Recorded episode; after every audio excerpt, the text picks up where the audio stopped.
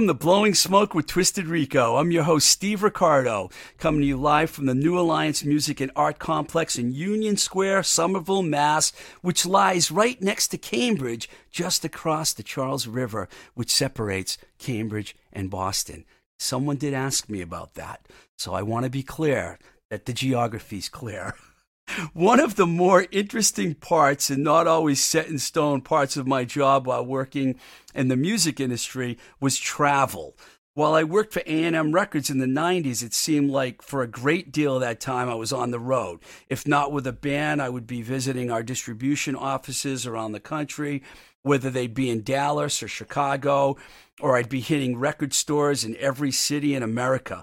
One of the disadvantages of working for a major label at that time was you would get a hefty I said that was a disadvantage, but it's clearly an advantage. One of the advantages of working for a major label at that time would be that you'd have a hefty expense account and all your travel and hotels would be set up by the travel department. Yes, we had our own travel department at A&M Records, and I even remember Tiana and Michelle, the lovely women that helped me with my travel. They would go over every detail, every every flight time, rent a car, limo service, and they'd even let me pick the hotels once I got to know what hotels I wanted to stay in like, for example, if I was in New York City, which I was a lot, I would stay at the Paramount in Times Square or the Gramercy Park Hotel. If I was going to Boston, I would stay at the Elliott Hotel, which is a really nice hotel on Com Ave and Mass Ave in Boston.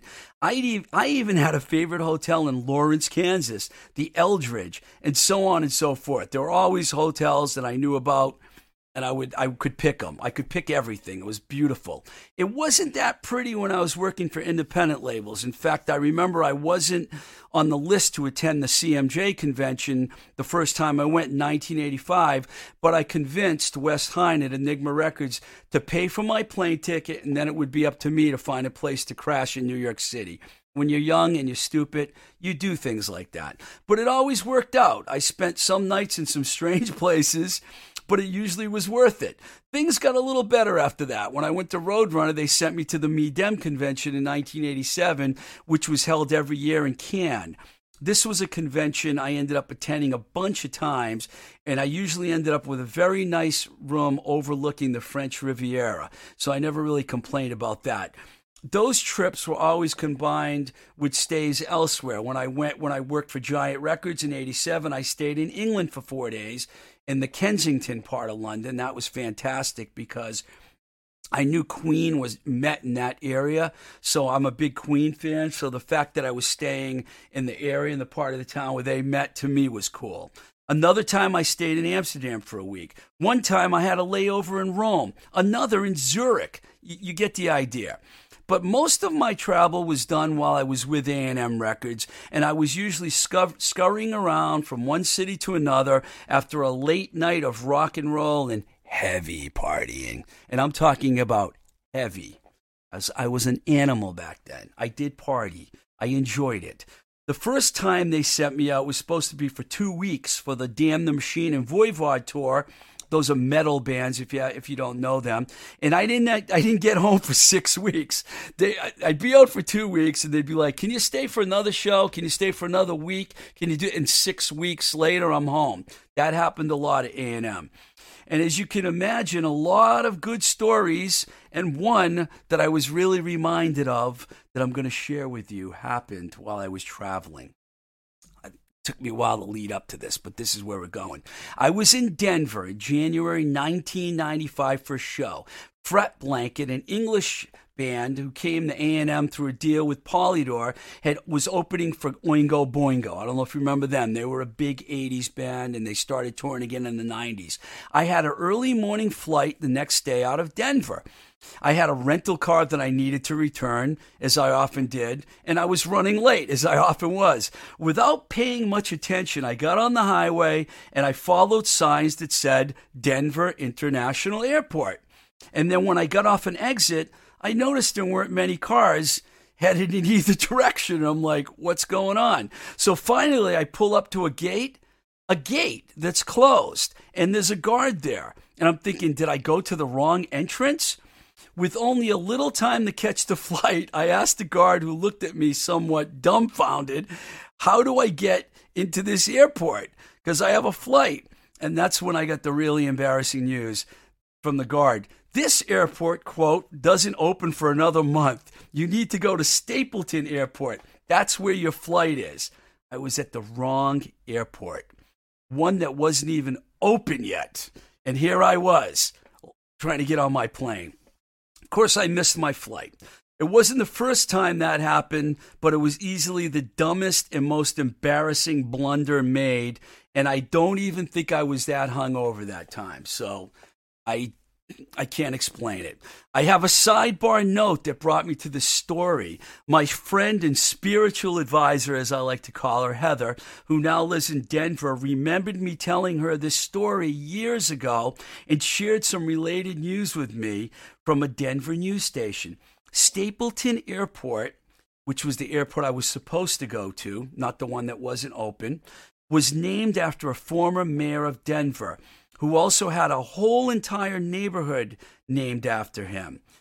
They, that they tried to strip from him for years, the name. They tried to strip the name from the neighborhood and the airport for years because the mayor of Denver was a former member of the Ku Klux Klan.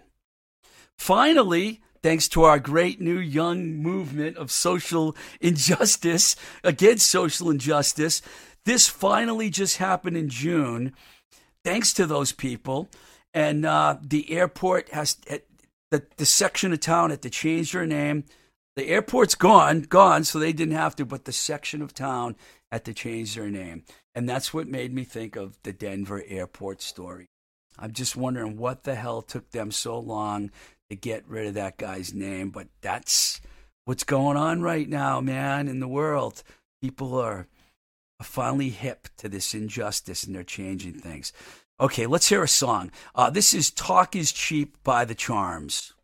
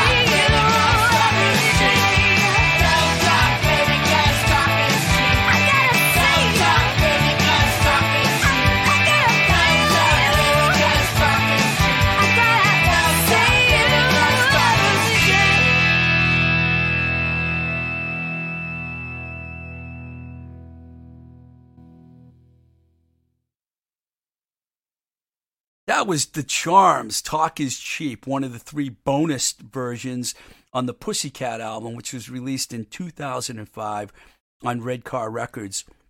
What was interesting about that is the legendary metal producer Bill Metoyer remixed this track and two other songs for the album, which added an interesting twist to the record. I met Bill while I was at Metal Blade Records and I wanted to try something different. And when I mentioned the charms, mentioned it to the charms, they're like, yeah, we could try that. So the man who's famous for working with tons of bands like Slayer, Wasp, and Fates Warning, and many others, actually remixed that song. And um, I thought that was a really good track for this show. Don't ask me why, but maybe you'll find out as we go along here. All right. My obsession with 70s music really has no boundaries when it comes to the rock. The Faces are one of those bands that has been known to occupy my time in considerable ways, whether it be listening to the records, watching old great live videos and documentaries, or simply just reading about the band. The whole story of the Faces actually goes beyond just the Faces. It would have to include the Small Faces, the Jeff Beck Group, and Rod Stewart and his band. When the great Steve Marriott left the Small Faces to start Humble Pie around the turn of the decade, 70s decade. The three remaining members, bassist Ronnie Lane, drummer Kenny Jones, and keyboardist Ian McLagan, opted to move forward as bandmates, and they were joined by the young singer Rod Stewart and bassist turned guitarist Ronnie Wood, and the Faces were born. Wood and Stewart had made two incredible records with the Jeff Beck Group the incredible Truth album, which I could listen to every single day of my life, and the Beckola album. and a Rod Stewart documentary, which I found on YouTube that I recently watched, uh, Stewart says that when Beck kicked Wood out of the band, that he followed Wood out the door. I never knew that Jeff Beck kicked Ronnie Wood out of the. I can't imagine Ronnie Wood getting kicked out of any band, but it was the great Jeff Beck, so anything's possible. Stewart, who had the looks and the pipes, went on to record his first solo album entitled An Old Raincoat Will Never Let You Down, which came out in early 1970 and is actually known as the Rod Stewart album in the U.S. This record featured a lineup which included Wood and McLagan, later of the Faces, and it had that great song, Handbags and Glad Bags. I don't know if you remember that. It's kind of a ballad, one of Rod Stewart's best songs. Uh, while all this was happening, the remaining small faces recruited Wood and Stewart, as I said previously, and they settled on the name Faces. The label wanted them to keep the name the Small Faces but the reason they didn't is because all the guys in the small faces were all under five eight, And Ron, Rod Stewart and Ronnie Wood were not under five eight, So they agreed to call the band the Faces. They went on to become one of the most successful and hardest working bands from 1970 to 75. Also, along with The Who, they were also famous as one of the bands that tended to destroy hotel rooms and throw TV sets and things out of windows, which rock bands just don't do anymore. Well, right now, rock bands are doing nothing. But when they were on the road, they just didn't know how to destroy hotel rooms anymore. It was an art of the 70s that just no longer existed. Our friend, this is a great quote that I have to read. Our friend and past guest, Greg Allen, of Greg Allen's Fringe Religion, who shares a similar love for the Faces as I do, describes the band as ready a boozy, bluesy, ramshackle version of the Rolling Stones that had fallen down a staircase. Unquote. Greg Allen with the great quote. Had to use it. Ronnie Wood, in an interview with Louder magazine, described the Faces as a band, quote, a band of brothers. We did, and we did love going on the road, didn't like the recording studio much. As a live rabble, I don't even know what that word means, but that's a quote.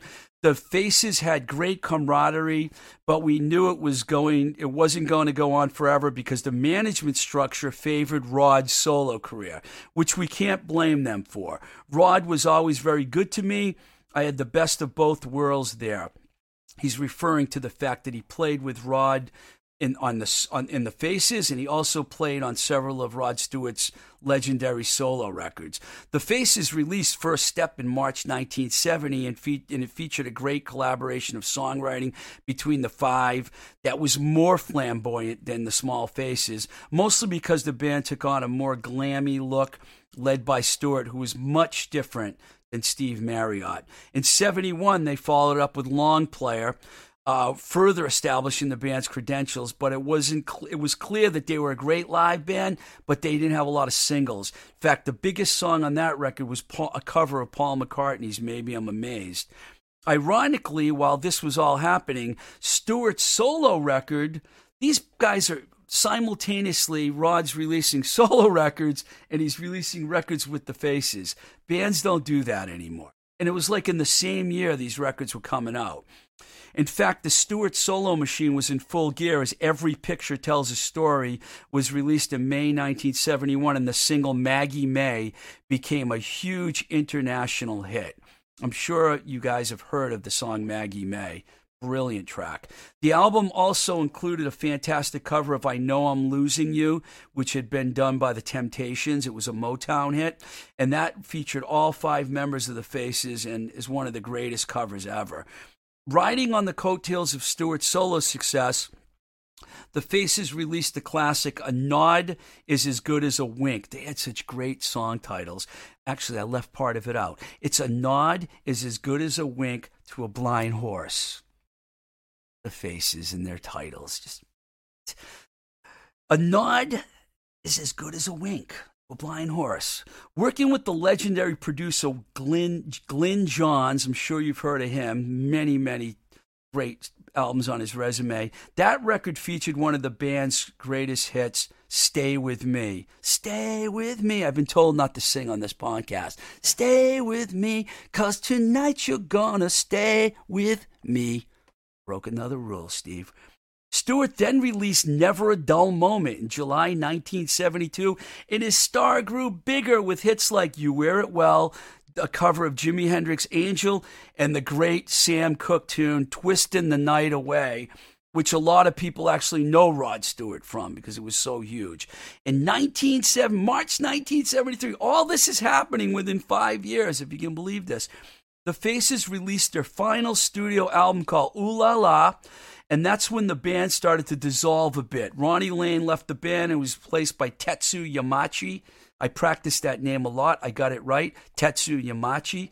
Wood then would Wood then would move on to join this other band, the Rolling Stones, in 1975, and it was all over now for the Faces. Get it? All over now. Song title: Rolling Stones. They both did that song actually. The Faces and the Stones both did that. Of course, Stewart and Wood had much continued success. You're laughing, Herb. I knew I'd make you laugh this week. Of course, Stewart and Wood had much continued success for years to come. They were definitely one of the greatest pairings in rock history. I think we need to play another song now. Okay, so uh, here's a classic by the Mission of Burma. This is called That's How I Escape My Certain Fate. That's how I escape my certain fate.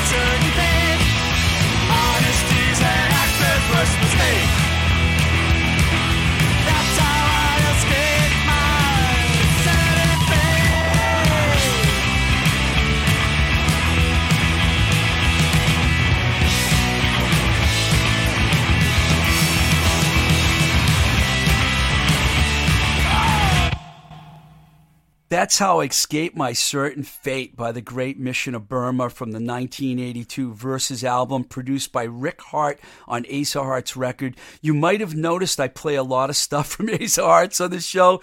That's because one of the great days for this podcast was the day that Rick Harte told me that I could use any song from his amazing library of tunes for this show, and that was one of my favorites. Before I tell you about the sponsor to this show, I want to tell you that Dia is sitting in the room my friend And she's been listening to the whole podcast. I very rarely have a guest in here. She's here, and she might be here in the future. You never know. Okay. My sponsor for this week is Baby Loves Tacos, straight out of Pittsburgh, Pennsylvania my good friend Zach Shell, who owns and operates the Baby Loves Tacos. I call them the Baby Loves Tacos. I like that because they are the Baby Loves Tacos. He sent over some nice copy, which I'm going to share with you. Here we go. Ready? The team at Baby Loves Tacos is ready to serve you, masked, sanitized, and ready to slay fascists. Our contactless walk up ordering and web ordering is just what the doctors and nurses ordered. Literally, you can order babylovestacos.square.site. You can order at babylovestacos.square.site. We have been digging in and rallying the support to donate 400 meals a month to a local Pittsburgh women's shelter. If you want to support this initiative, you can purchase a pay it forward meal on our website. Also, vote. Let's hit the eject button on the orange puppet, Muppet, you call him a puppet or a muppet, and start building a better world. Of course, we second that. I didn't write that copy. Zach Shell did, and I compliment him for it. And once again, I'm going to say it's fantastic that they're doing that for their community in Pittsburgh. 400 meals a month to a local women's shelter. I can't tell you how nice that is. I, I can't even find a, enough compliments for them because it's great.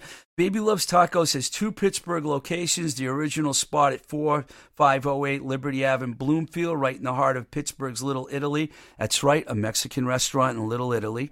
And the newer BLT, Baby Loves Tacos, located at 524 Grant Ave in Millvale, which is just over the 40th Street Bridge. If you know Pittsburgh, you know what I'm talking about. If you don't and you are visiting Pittsburgh in the future, fine baby loves tacos. The burritos, the tacos. You can even get a quesadilla. You can get whatever you want. They're like a fantastic. The food is fantastic there. Uh, tell them that Twisted Rico sent you, and say hi to Zach, Kat, Kaz, John you know what to do. Also, if you're in a band, this is something I'm going to add that I didn't mention that the last show they sponsored. If you're in a band and you want to play in front of the Bloomfield store, drop me a line. I'll put you in touch with John Sandy, Sandy who reached out to me about having bands play right on the sidewalk in front of the store. Can't tell you how brilliant I think that is. Okay, one more little segment here before I go. we did this in a few other shows and people liked it, so I'm going to do it again here. Um, these are some of our favorite Instagram accounts. I'm going to mention a few to you. The first one is at Chad, C H A D underscore Cody, C O T underscore official. At Chad underscore Cody official. Chad is one of my favorite photographers, not because he's based out of my hometown of Webster, Mass, but he's just brilliant. If you are a fan of alt, the alt model world, you can check out some of Chad's Instagram uh, photos, and you'll be blown away. He do us, he does have a website site and an OnlyFans page also. And I'm talking to him about getting him on the show in the future because I want to broaden our horizons here and get some interesting guests on other than music guests because we're expanding so much. The world wants us to expand. So we are going to get different kinds of people on the show and you'll be seeing some, hearing some surprises, maybe even seeing them too. I don't know if the camera's working. Number two, we have at Creem Mag, C R E E M Mag. Fantastic site. It's just keeping the memory of the great Creem magazine alive. I don't have to say much about that. They post photos of Lester Bangs and other legendary covers from their magazine. Next, we have at Cameron number one Newton. That's right. That's the new quarterback of the New England Patriots. And if you know me, you know I'm not a Tom Brady fan. I never was, and I'm glad he's gone. See you, Tom. Welcome, Cam Newton. At Cameron One Newton. I'm sure my Boston friends and family are going to hate me for that, but it's the way it goes. Next, we have at Sydney Maler, S Y D N E Y, Maler, M A L E R. She's the co host of the Sorry Mom podcast, one of my favorite podcasts. She's also a very, very attractive model. And I her, her Instagram's fantastic. I recommend it. Another model I like the models. At Born Flawed, B O R N Flawed, F L A W E D. It's my friend Sarah, who I met at Baby Loves Tacos that we were talking about before. Full circle. It all comes full circle. She was with a photographer when I met her, Dan Landoni. They came in a few times. I guess she was doing some work in Pittsburgh. We became friends, so I, I follow her on Instagram. She just got on a cover of a German magazine, and I apologize for not knowing the name of the magazine. But if you go to at Born Flawed, you'll see her lovely photo. Little warning she's not wearing much clothing in the photo, but it's on Instagram, so, you know, it's, it's safe. And last but not least, these guys made my list before. Going to make it again at SSD Control Official, where you can find some great historical perspective on the Boston hardcore scene from members of SSD and others, including Nancy Barile, who's Al Barile, the guitar player's wife. Uh, she runs the site. She has great stories too. She's like one of the original hardcore women. And she was also like, I believe, teacher of the year in Massachusetts, if you can believe that. I'll have to get more. I want to get Nancy on the show, so we'll get more info for her, from her. I think we covered a lot of ground in this show, and that was my attention, intention. So before leaving, I want to thank our engineer, Dorchester's own, Dor, Dorchester, say it right, Steve, Dorchester's own, Herb Morsiglio. Ow! There he is. And also our patrons, whose monthly contributions keep the Blowing Smoke with Twisted Rico podcast going. Ready? Kevin, Ellie, Maria, Chris W., Heather, Sue K., Matt, Chris P., Dave, Maria. I mentioned Maria twice. She's my sister. Okay, yeah, my sister's one of my sponsors. You got a problem with that? Love you, Maria. Brian, Benjamin, Lee, Chad, Christopher, and Kim. If you want to support the podcast, go to www.patreon.com forward slash Twisted Rico. You can contact me at twistedrico at gmail.com. You can follow me on Instagram at Twisted Rico or on Twitter at Blowing Smoke BS. There is also a Blowing Smoke with Twisted Rico Facebook page, and you can find some of these shows on YouTube. But be forewarned, you'll have to look at me the whole time. This is Blowing Smoke with Twisted Rico. I'm your host, Steve Ricardo. Till the next time we say goodbye, keep the rock and roll alive. We love you, Busy Phillips.